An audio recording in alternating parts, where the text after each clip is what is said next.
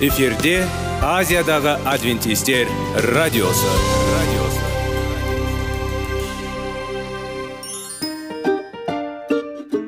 сәлем достар. Денсаулық өмір бұлағы және біздің бірінші байлығымыз демекші денсаулық сағаты рубрикасына қош келдіңіздер. Біздің рубрикада біз әртүрлі факторларменен мәліметтерменен кеңестерменен бөлісіп шын жүректен сіздердің дендеріңіз сау болғанын қалаймыз.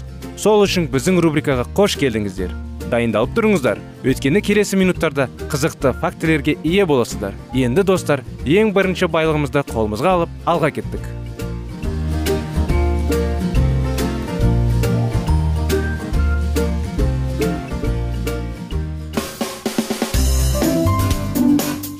Денсаулық туралы хабар. Денсаулықтың ашылуы. Күн сайын сөз үшін күшті кеңестер соңғы жаңалықтар. Қызықты факторлар біздің рубрикада.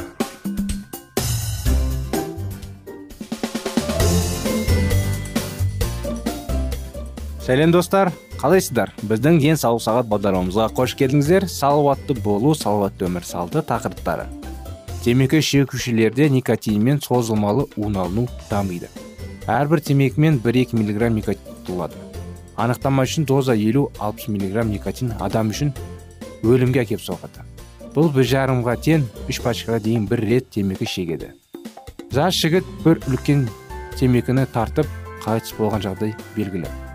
Үш жасар бала ескі темекіні түтінмен ойнап ол арқылы су жұтып никотиннің улануын қайтыс болды. Ал бір жасар бала уланып темекіні жеп қойды.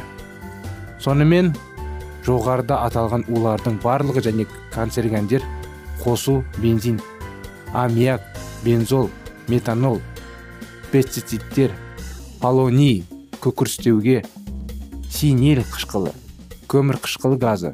Бұл шынайы.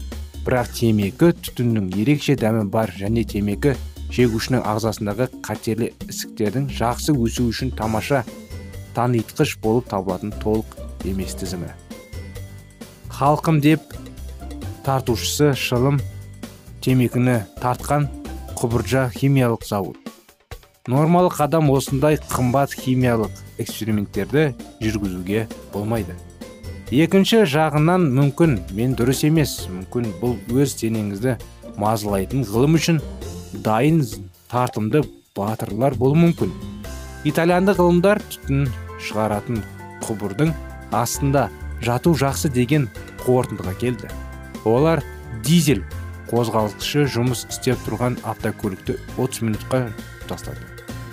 Содан кейін есіктерді үш сағаттан ашып зиянды шығарындылығын өлшеу жүргізді.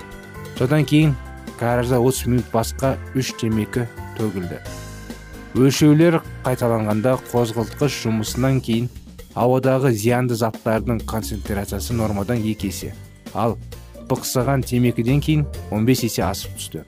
Бұл ақпаратты итальяндық ғылымдар жасөспірімдерге жеткізу туралы шешім қабылдады. Егер темекі шегу зиянды болса неге бүгін ресейде көптеген адамдар темекі шегеді? Жауап қарапайым темекі шегу жай ғана әдет емес бұл никотин тәуелділігі. Никотин тұрақты тәуелділікті тудыратын алкогольдіктер тобының улы зат басқаша айтқанда никотин бұл адамға белгілі психо белесінді заттардан гөрі күшті тәуелділік тудыратын есірткі. Оған құмарлану үшін тек бір темекі қажет болуы мүмкін. Бұл тәуелділікті темекі шегушілер бірден түсінбейді. Көптеген жүз мыңдаған темекі шегушілерге темекіні тастауға көмектесетін танымал психолог аллен карт былай деп жазады. Жан тереңінде барлық темекі шегушілер өзінің ақмақтығы бойынша зұлымдық батысқа түскенін біледі. Алайда темекі шегушінің темекіден алған рахаты ең алдымен ол никотинге тәуелді болғанға дейін оның денесінің бастан өткізген тыныштық тәртіп және сенімділік жағдайында оралу талпынысының туындаған ләззат.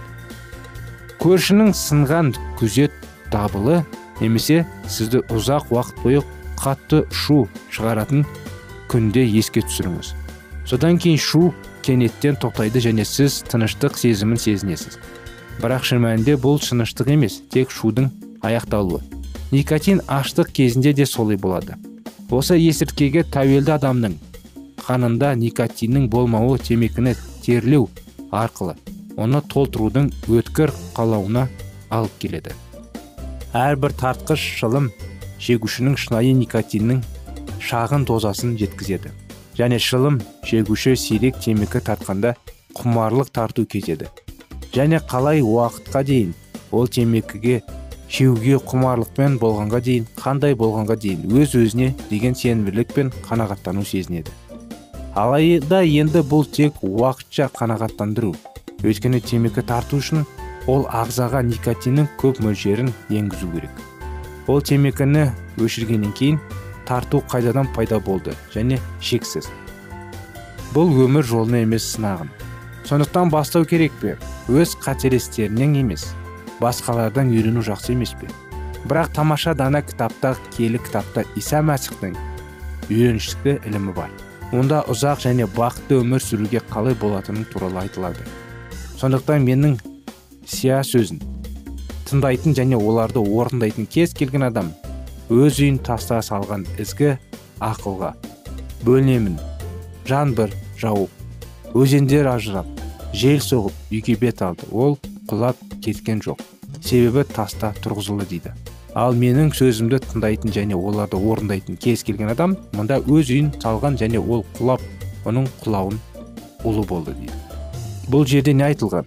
Екі құрылысшы және түрлі іргетасы бар екеуі үй туралы. Қатты негізде салынған үй кез келген ауа райы кезінде тұрмайды. Ал құмда салынған ол әдемі болмас еді. Бірінші күрделі сынақта құлауға кесілді. Бұл әңгіме бізге қалай қарайды? Шылым шеуге қатысты біздің таңдауымыздың салдарын жақсы түсіну үшін осындай суретте келтіреміз. Біздің әрқайсымыз жақсы үй сатып алуға үлкен ақша бөлген демеуші пайда болғанын белгілейік және елестетіп көрейік. Мысалы 100 мың доллар. Шартты және маңызды емес. Мінез. Міне сіз кешенде көшенде жүрсеңіз және әдемі жоғары үлкен жақсы іргетасы бар жақсы үйді көрсеңіз арман емес үй. Оңтүстік теңіз жағасында бесейін бассейні бар үлкен гаражы бар тамаша жабдықталған ойын балалар арналы алаңы бар жайлы жеңіл жатын бөлме керемет қысқы бағы бар және сіз қаншалықты көп тұр? Жүз мың доллар. Ал жанында басқа да жақсы үй тұр. Бірақ бұл үйдің жалғыз мәселесі ол іргетасы және құмда салынған. Бұл мағыналы кішігірім мәселені келесі жол жалғастырсақ құрметті достар. Бағдарламамыз өкінішке дереу уақытына келіп қалады екен. Сіздермен келесі жолға дейін қоштасатамыз. Келесі жолға дейін сау саламат болыңыздар.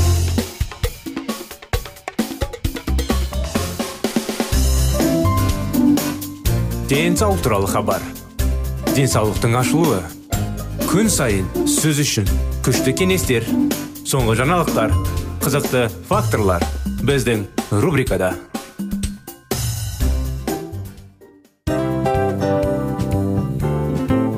Әуелі байлық денсаулық екінші байлық оң саулық үшінші байлық ақ жаулық. Ал енді осындай радио парақшадан кейін не дейміз? Барлықтарыңызға денсаулықтарыңыз зор болсын деп тілейміз. Денсаулықтың өзгеруі кішкентай нәрселерден басталады.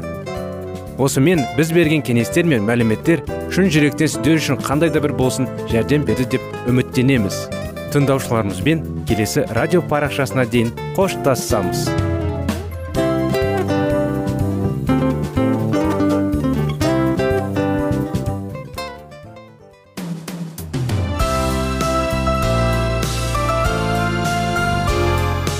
эфирде азиядағы адвентистер радиосы.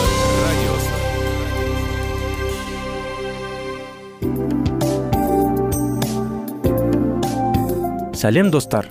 Барлықтарыңызға шын жүректен сөйлесейік рубрикасына қош келдіңіздер деп айтпақшымыз.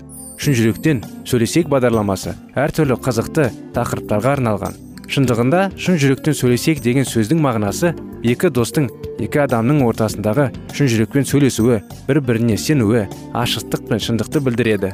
Сол үшін біздің бағдарламалар әртүрлі қызықты тақырыптарға арналған.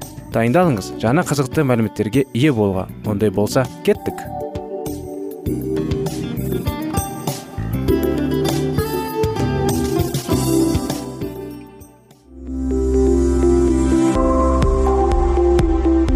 Алтын сөздер. Сырласу қарым қатынас жайлы кеңестер мен қызықты тақырыптар. Шын жүректен сөйлесейік рубрикасында.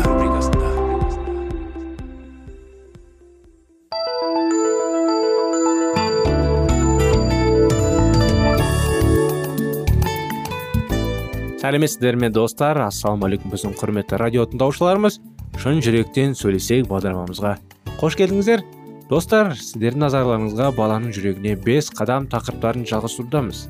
Әмбебап болу сіздің балаңыз үшін туған махаббат білдірудің қандай тәсіл екенін қарамастан есіңізде болсын. Сіз барлық бес нәрсені меңгеруіңіз керек. Басқаларды ұмыта отырып тек бір ғана әдісті пайдалану. Өкінішке орай көптеген жол береді қате. Көбінесе ата аналар сыйлықтар тіліне артықшылық береді. Өйткені бірінші қарағанда ол аз уақыт пен күш жігерді талап етеді.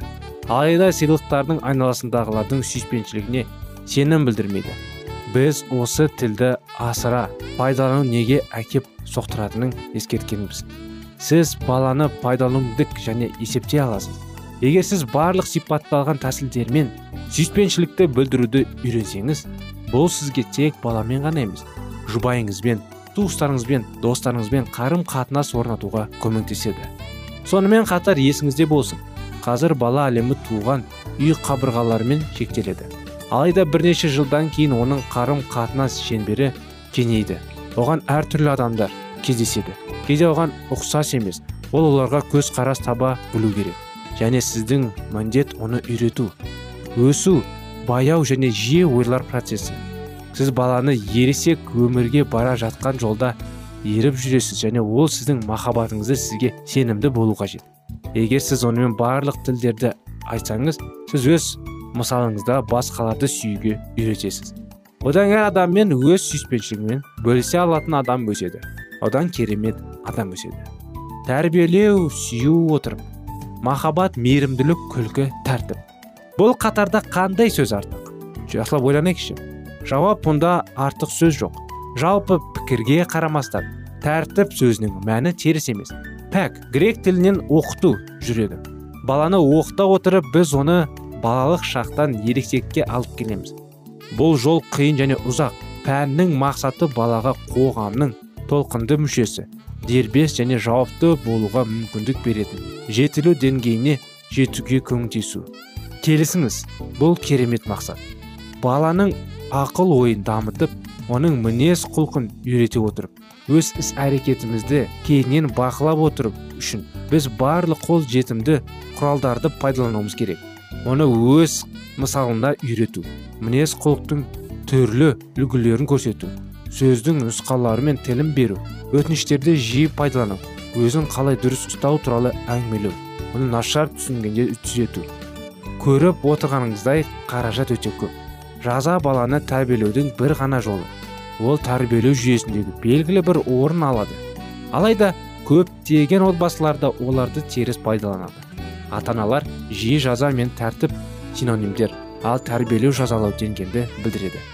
Жаза тәрбиенің бір түрі және ең жағымсыз жаза бөлімін қараңыз. Кейбір ата аналар әсіресе барлық шақта балалық шақта да махаббат отбасында өзін сөзінбен сезінбеген адамдар жазылуға тәрбиелейді. Олар тәрбиенің көптеген басқа да өте маңызды он түрлерін естен шығармайды. Қалаған тәрбиелік әсерге қол жеткізу үшін ата аналар баланы сүйгеніне сенімділікпен үнемі бекітуі тиіс. Баланы махаббатсыз тәрбиелеу көлік жүргізу май құю емес алдымен бәрі дұрыс ал нәтижесінде апат болып көрінеді. Біздің қоғамда көптеген адамдар тәртіп туралы жаңылыстырады. Сондықтан осы тарауда біз тәрбиеге көңіл бөлуіміз және оның идеалда қандай болу керектігін айтамыз. Ал келісінде оқыту мәселесін қарастырамыз. Бұдан басқа осы екі тарауда біз баламен қандай тілде сөйлей білу онда өзін өзі бақылау қабілетін тәрбиелеу туралы егжей тегжейлі тоқтаймыз. Кемел мінез құлыққа пәнге үйрету дегенде бұл дегеніміз ата ана беделін орнату балаға өзін қалай ұстау керектігі туралы нұсқау беру ақырында оған осы нұсқауларға сәйкес өмір сүруге көмектесу. Әрбір халықтың барлық дәуренде кемелде мінез құлықты анықтайтын өз нормалары және балаларға осы нормаларға қол жеткізуге көмектесетін тәсілдер болады. Міне жақында ғана біздің ғасырда ағымдар пайда болды. Олардың ізбасарлары балаларға тәртіп қажет емес тіпті оларға зиян келтіреді деп санайды. Бала қалаған нәрселерді жасауға мүмкіндік береді. Балаларды тәрбиелеудің мұндай тәсілі оларды бақытты да дербесте жұмсайды адамдар адамгершілік тұрғысына өз іс әрекеттерін бағалай алатын жаратылыстар әрбір қоғамда белгілі бір моральдық нормалар қалыптасқан қандай да бір заттар жақсы. Ал қандай да бір жаман деп саналады. Бірдене жасауға болады ал бірдене істеуге болмайды. Әр халықтың өз заңдары ережелері өз этикасы бар. Егер біреу бұл заңдарды бұзуды шешсе ол өзіне де бүкіл қоғамға да зиян келтіреді. Ата аналарға балаларды тәрбиелеуде негізгі рөл атқарады. Олар өздерінің қоғамында қабылданған мінез құлық нормаларды үйретеді. Балалар қалай әрекет етуді шеше алмайды. Себебі оларда тәжірибе жоқ. Ата аналық нұсқаусыз бала саналы жасқа дейін өмір сүре алмайды. Ол кішкентай кезде ата аналар қатаң ережелерді орнатып оның мінез құлқын толық бақылауға тиіс. Бұл дегеніміз мысалы олар джонни каминге жүзеге мүмкіндік бермейді. Тіпті жалын баланы тартады және оны өте келеді. Содан кейін джонни жүруді үйрегенде ол машинаға түспеу үшін жолға шығуға болмайды. Олар дәріні және басқа да ұлы заттарды кездейсойқ уланбау үшін тығады.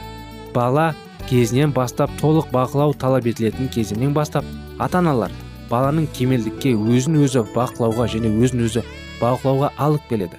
Бұл жол 10 жылдан асады және оның әрбір балаға жену керек.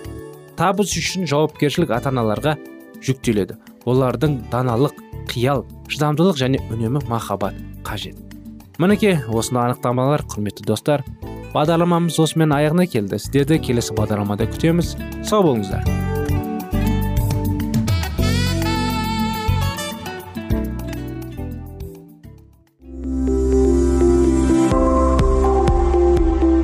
Алтын сөздер. Сырласу. Қарым қатынас жайлы кеңестер мен қызықты тақырыптар. Шын жүректен сөйлесейік рубрикасында.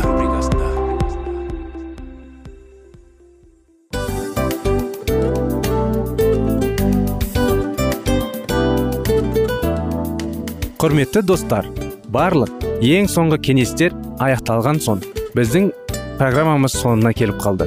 Осы біздің мәліметтер осы рубрикада айтылған әрбір сөздер сіздерге өзінің қандай да бір пайдасын алып келді деп шын жүректен сенеміз. Және бұдан да көптеген рубрикаларымыз бар. Басқа рубрикаларымызда біздің зерттеулерімізде сіздер үшін тағы да қызықты мәліметтер дайын.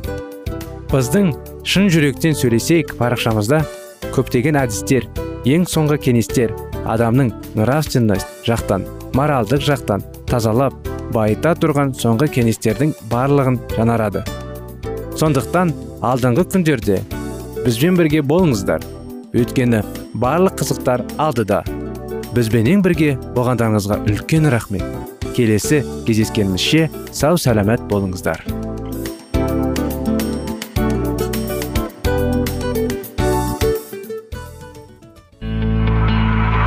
Жан дүниеңді байытқан жүрегіңді жаңғыртқан өмірдің мағынасын ойландырған рухани жаңғыру рубрикасы.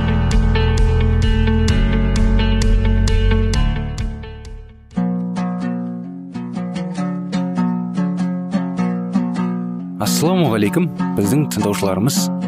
Келі кітаптың шындығын ашып берген қысқа бағдарламасына қош келдіңіздер. Барлығынан жоғары жаратушы біздің қарыңғылықта жалғыз қалдырып қойған емес. Өйткені ол келешекте не болу керек екенін киелі кітаптың парақтарында ашып береді. Немесе келіңіздер бізге қосылыңыздар. Жаратушы бізге нен ашып бергенін зерттейміз.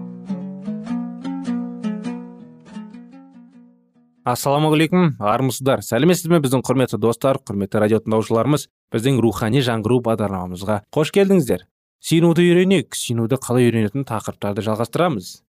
Мұнажатты жұмыс құралы ретінде дұрыс қолдана алатынымызды бізге тек мұнажаттың рухы ғана көрсетіп бере алады. Өз мұнажатымызға тен өзімшілікпен кездескен әрбір сәтте бізге мұқтаждығымыз бен әлсіздігімізді сезіне отырып бәрін еш айыптаусыз беретін одан көмек сұрау қажет. Сонда ол бізде жоқты жүзеге асырады. Құдайға мың алғыс мұнажаттық еңбек кезінде біз мұқтаж кеңестерге сүйіну уақытына қатысты кеңестер де жатады. Кез келген еңбек уақытты талап етеді. Мұнажаттың күнделікті өміріңіздегі жұмыс бағдарламасының бір бөлігі екенін сезінген кезде күнімізді тамақ ішуге және басқа да қажеттіліктерге бөлген секілді. Осы еңбекке де уақыт жеткендей етіп білеміз. Осылайша бұл мұнажатты еңбек уақытты талап етеді. Бұл еңбекті тек оған белгілі бір уақытта құрбан етуге дайын адам ғана атқара алады. Осының өзі ғана бізге мұнажатты еңбекті тек мойынсыну рухын е адамның ғана атқара алатынын көрсетеді. Көбісі жүйесіздігінің себебіне жеміссіз болатын мұнажаттың өмірлерін қанағат тұтады. Олардың белгілі бір мұнажат сағаттары жоқ және олар уақыты болған кезде мұнажат етеді. Олар бәрін жағдайдың еркіне қоя береді. Олардың дұғаларының мәні де қолдарында бар уақытпен және сол сәтте ойына келген мәселемен айқындалады. Дұғаның еңбек дұрыс жоспарлауды және мақсатқа ұмтылуды қажет етеді. Дұшпан біздің мұнажат етуге уақытымыздың тым аз болғанын және соның кесірінен мұнажаттың көмегімен болмашыға ғана қол жеткізуімізді қамын жейді. Бұған қоса ол біздің шашыраңқы болып басқалар үшін сұрайтын мұнажатта аса мұқтаж сұрақтарды ұмытып кетуімізге күш салады. Мұндай мұнажаттық еңбек жоспарланбаған мақсатсыз шара болып шығады. Мұнажат еңбегі тек ол құпия мұқият жоспарланған жағдай ғана жемісті болады. Мен өзімнің мұнажат бөлмеде неге қол жеткізгім келетінін оған кірмей тұрып беруге тиіспін. Мен қандай тұлғаларда және құдайдың орасы да зор естігеніне қатысты қандай сұрақтарды мұнажатта оған әкелуім керектігін білуім тиіс. Келі рухтың біздің мұнажаттық мұқтаждықтарымыздың аясын қаншалықты көніліккеніне қарай сұрақтар өте көп болуы мүмкін. Сондықтан бұл еңбекте менің ұмытшақтығым маған кедергі болмауы керек. Егер маған жекеленген тұлғалардың немесе мәселелерді еске түсіру қиынға қосса мен жазбаларымның көмегіне жүгіне аламын. Йоган джонсон бірде өзін басқалар үшін сүйінуға барған сайын көбірек арнай бастаған бір елші әйел туралы айтты. Оның мұнажат етуге тиіс сұрақтарының аясы барған сайын кеңейе түседі. Ақыры олардың бәрін есте сақтау қиындап кеткені соң ол кішкентай қойын дәптер алып бәрін сонда жазып отырды. Ол сол адамдар мен олардың мәселелері үшін мұнажаттық жалғастыра береді. Жаңадай мұқтаждықтар туындағанда әйел олардың да қойын дәптеріне жазып қояды. Егер құдай мұнажатына жауап берсе ол бұл мұқтаждық сізді және оның туысына алғыс айтқым деп жазады. Олардың кейбіреулері үшін пайдалы болуы мүмкін болғанымен мен таңертеңге кешке және айырмақша өмірлік жағдайларға арналған арнайы басылған мұнажат кітапшаларына көп сенім артқан емеспін. Бірақ әркімде осындай кішкентай мұнажат кітапшасының болуына кеңес беремін. Сонда мұнажаттың еңбектің тәртіпке оңай айналуы мүмкін. Сондықтан мұнажаттардың барынша нақты болғаны маңызды. Жалпылма сөздер мұнажатты тақырыптан айырылады. Егер мен қандай да бір адам үшін мұнажат ететін болсам онда мен оның өмірінен немесе жағдайынан бір мәселені атап айтуға тиіспін. Қандай да бір қоғам үшін сиынғанда оның жұмысымен тығыз байланысты жекелеге құлғалардың немесе осы кезде пайда болған қиындықтар мен мәселелерді атауым қажет. Осының бәрі біз үшін мұнажат етмені жеңілдіктеді. Бұл шындықтар лютерге де белгілі болды. Ол біздің мұнажаттарымызда нақты жайт туралы сұрауымыз керектігін баса айтты. Егер біз мұнажаттық еңбекті осылай атқаратын болсақ онда бұған уақыттың көп қажеті болатынын сондай күн сайын бар өтінішімізді айтып үлгермейтініміз анық. Сондықтан өтінішімізді аптаның алты күніне бөліп қойғанымыз дұрыс болады. Ал сенбі күні олардың бәрін біріктіруге болады. Өйткені бұл күні біздің мұнажат етуге уақытымыз жеткілікті болады. Әрине біздің әрқайсымыздың жүрегімізге айрықша жақын және олар үшін күнделікті синатын жандарымыз бен мұқтаждықтардың болатын өзінен өзі түсінікті. Біздің заманымыздың мәсіхшілері тұрбылар ыждақты адамдар. Біз еңбек ету ғасырында бекерге өмір сүріп жатқан жоқпыз. Құдай қауымның тарихында адамдар ешқашан дәл қазіргідей еңбектенген емес және ешқашан осылайша көп қызметшілер болған емес.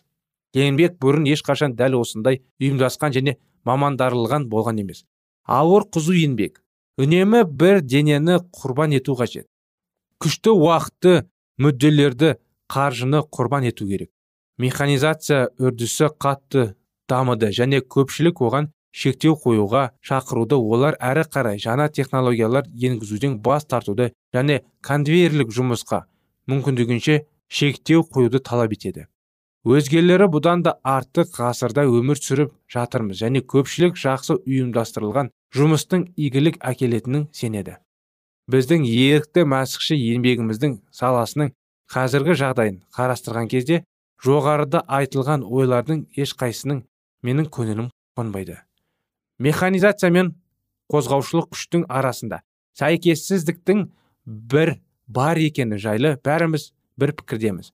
Бірақ бұл сәйкессіздікті жою үшін қозғаушы күшті ұлғайтудың орнына механизацияның азайту мағын дұрыс емес секілді болып көрінеді. Менің отанымда астық бастаратын машинаның қолмен қозғалысқа келетін өсімде өте ауыр жұмыс болғандықтан мұны бірнеше адам ауысып істейтін. Қазір бәрі басқаша. Бәрі механизацияланғандықтан қазір күннен өсе көп. Бидай бастырылады. Бұған күш бұрғандан аз жұмсамады. Бұл жерде шешуші рөлді мотордың күші атқарады. Ол бидайды бірден бастырып денді тазартады. Бұл адам санын да уақытында да үнемдейді. Масықшы еңбегіміздің қазіргі жағдайына қарап мен осыны жиі еске аламын. Мінекей құрметті достар осымен бағдарламамыз аяғына келді. Келесі бағдарламаға дейін сау болыңыздар.